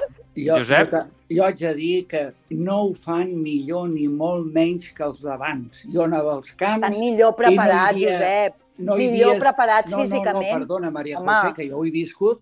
No hi havia els àrbits a que hi ara, els líniers, ni havia el bar, ni res de tot això. Evidentment que s'equivocaven. Sempre s'han equivocat. Però el que hi ha ara... S'equivocaran aquesta, sempre. a, perquè- aquesta disbauxa que hi ha ara, això de que un àrbit tingui aquest col·legueo, col·legueo que té amb alguns jugadors que li cauen bé, recordeu el Mundial, a l'àrbit espanyol que va ensenyar no sé quantes targes El Mateu Laó. Mateu Laó. El Mateu Laó. Messi i, I que li feia com, cosetes al Casemiro, sí. Parlant-li, preguntant-li Sí, sí. al Canales, ¿qué? ¿Cómo está tu padre? ¿Está bien? ¿Tu madre y la familia? ¿Qué? ¿Qué tal? I al cap de moment el Canales no sé què li diu, pumba, expulsat.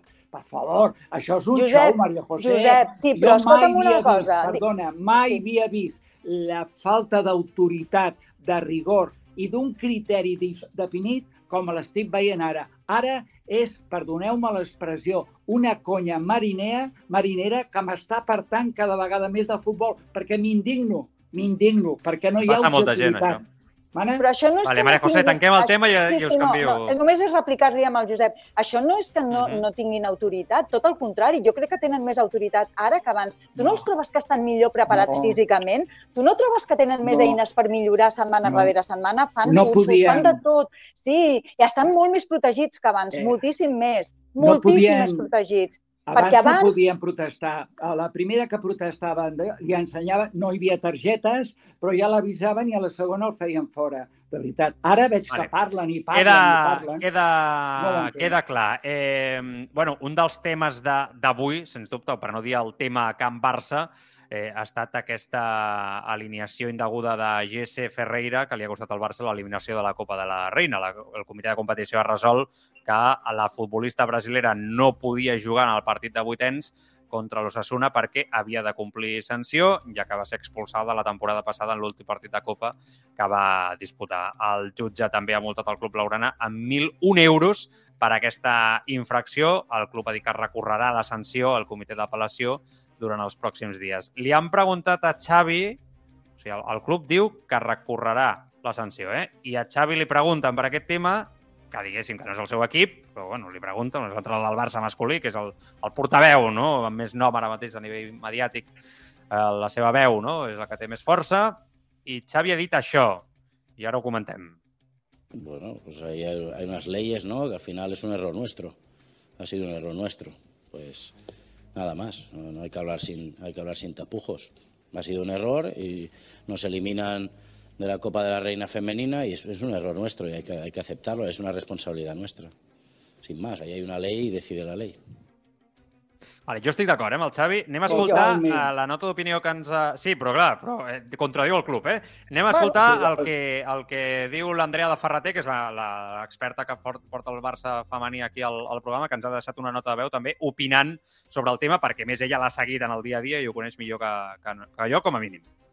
El Futbol Club Barcelona ha quedat eliminat de la Copa de la Reina per l'alineació indeguda de la jugadora brasilera Jayce Ferreira al partit de vuitens de final contra l'Ossassuna del passat 10 de gener. Així ho ha informat aquest matí de manera oficial la Federació Espanyola, que accepta la denúncia per part de l'Ossassuna i desestima les al·legacions que va presentar al Barça. A més, el club blaugrana haurà de pagar una multa de 1.001 euros. Tot i això, el Barça no es dona per vençut i presentarà un recurs al comitè d'apel·lació per evitar quedar eliminat de la competició. Tot i això, eh, jo veig molt difícil que el Barça pugui donar la volta a aquesta dramàtica situació, i dic dramàtica perquè és un error administratiu gravíssim que un club professional com és el Barça mmm, cometi. Per tant, les regles estan clares i per molt que no aparegués la sanció de Geis a la pàgina de la federació, el Barça no pot caure en aquest error. Espero i crec que el millor que pot fer el club ara és una disculpa pública tant per les pròpies jugadores com pels aficionats i que tot això serveixi com un aprenentatge per no tornar a cometre un error tan greu i infantil en un club professional. El que més lamento i el que més ràbia em fa de tot això és que el Barça, un club que aspira a guanyar tots els títols,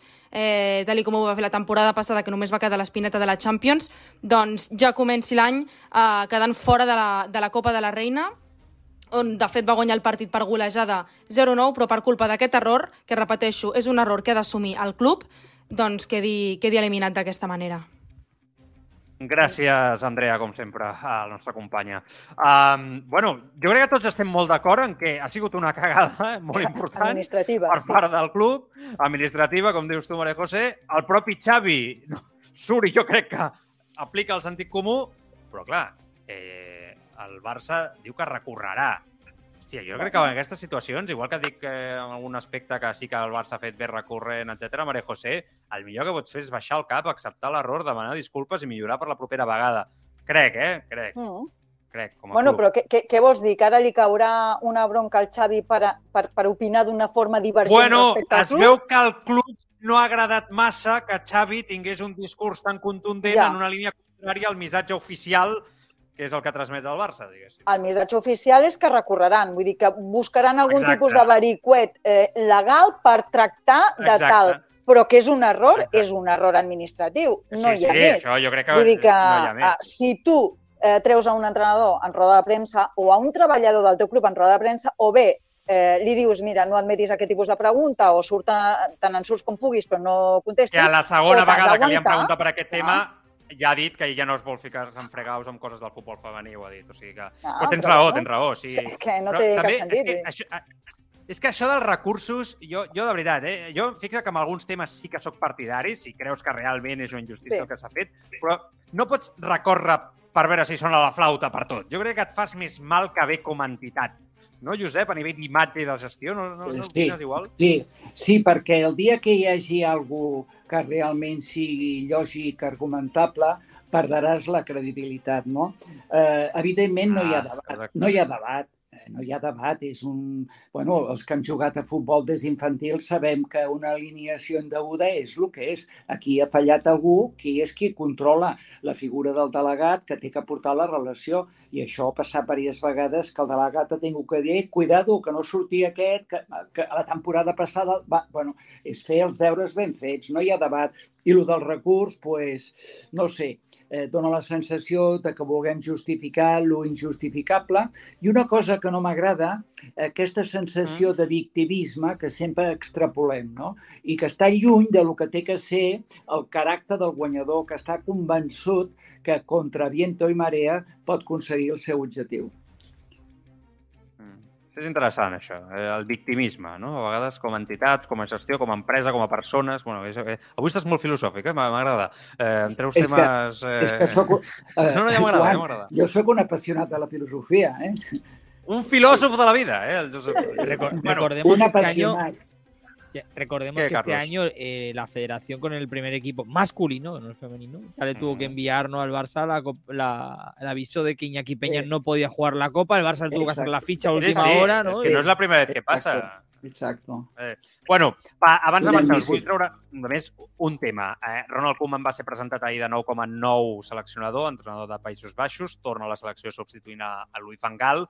Eh, diu Koeman, a mode d'anècdota, Maria José, que no ha tornat a veure un partit del Barça, mm, que no veu ja els partits del, del Futbol Club Barcelona.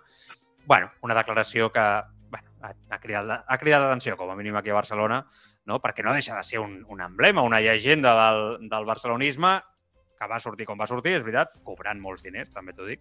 Eh, No, no, no, no, sé. cobrant molts diners, no, cobrant el que estava pactat. Sí, exacte, exacte. O sigui, 10 Al quilos, em tanto. sembla, El crec que que recordar que eren. 6 10 quilos, quilos. em sembla que eren. Ah, bueno, però és el que estava pactat O i l'has 6 fet 10, fora. què sigui. I l'has fet fora. Sí, sí, sí. No, no, fora. és justícia, eh, que jo ho defenso. Eh? Però, però, hosti, a mi em sobta que Koeman, no, públicament, que ja ha passat tot i fins i tot l'hem vist ja que ha, ha xerrat de bon Sí. rotllo amb la porta en algun torneig d'aquests benèfics que fa i tal de golf, digui públicament que no veu els partits del Barça, que no ha tornat a veure el Barça, que no s'interessa pel Barça. Hòstia, no sé, em grinyola una mica, no? Tu t'ho creus? No, Jo no. ningú s'ho creu, això. eh, Inclús... Però per això t'ho dic, que No. perdi el temps públicament en dir-ho. No, sigui, però jo- No, perquè així ja talla la, qualsevol possibilitat de que li tornin a repetir, escolta'm, i el Barcelona, que qualsevol polèmica que pugui Ja, haver-hi, ja. vinga, un altre cop. No, ara vol centrar-se i ja està. Ja no ell s'ha fet, ell s'ha fet una vivenda espectacular amb aquests 6 milionets que, que diu la Maria José, no? que estava prevista d'una manera i després eh, crec que es va ampliar, segons la, la informació. Eh, Koeman, eh, tu saps, eh, Joan, que sempre eh, t'he dit que per mi no era un bon entrenador, en absolut. És líder, però no és un bon entrenador. No hi ha cregut mai, Sí, però tinc que reconèixer... Però, Josep, no deixa de ser una llegenda No, no, del barcelonisme. permetem, que diu que que no vol mirar els no, partits no, del Barça. No, i a més tinc que reconèixer, jo que l'he criticat tant, que Valdé, Gavi, Pedri... Escolta, aquests els va Mm. Eh. fer debutar i els hi va de confiança. tota la raó. Ell, eh? O sigui, que s'ha de reconèixer. Eh, ell, com diu la Maria José, el que no vol és anar per la ciutat i que el critiqui perquè ell viu a Barcelona. Però, a més, Mm. eh, no és veritat que no vegi el Barça, perquè ell ara és seleccionador nacional holandès i té que estar al Ah, corrent. obligat a veure els partits. Exacte, Està de Jong... O sigui... Eh? No, Ai, Déu meu. ho ha de dir, ja està. No, res, estratègia de defensa, ja està. Exacte, ni més ni menys. Bueno, escolteu, que ha estat un plaer, com sempre. Maria José, cuida't molt, eh? Un petó. Vinga. Igualment, a reveure. Petons a tots. Adéu. Igualment. Josep, Adéu, una abraçada adéu. forta. Adéu, crac. Adéu-siau. adéu, adéu, Una abraçada. adéu. Josep Pons, la Maria José Hostalric, un dia més amb nosaltres al Tribuna Marca. Anem plegant, Carlos, algun missatge que vulguis, que vulguis llegir de l'audiència? Algún mensaje rápido, por ejemplo, EduX69 decía, el arbitraje es un estamento oscuro, nadie puede hablar con ellos, no dan explicaciones ni hacen declaraciones, son como, el, como la CIA o el Mossad. Hostia. Por otra parte, José Mataro dice, Iturralde dijo que el 90% de los árbitros son del Madrid, yo no, dice, Iturralde González, Panchito79 comenta, lo que está claro es que el VAR y los árbitros tienen que estar, tienen que ser estamentos separados, si no, nunca se atreverá el VAR a corregir a uno de campo. Y un último comentario de Jordi Albi, que dice la gran diferencia entre la Liga y la Premier es que aquí los dirigentes de nuestro fútbol están para servirse y no para servir. Molt bé, vinga, doncs eh, demà tornem, prèvia de partit, eh, a les 7, no, Carlos? A les 7 de les, a les 7 demà fem eh, aquesta prèvia, Barça-Reial Societat, eh, partit de Copa, superxulo, partides, que avui ja hem estat eh, comentant i que demà, com dic, serà encara més eh, protagonista. Carlos, hasta mañana, cuídate Hasta mucho. mañana. Gràcies a tots per ser-hi. Adéu-siau.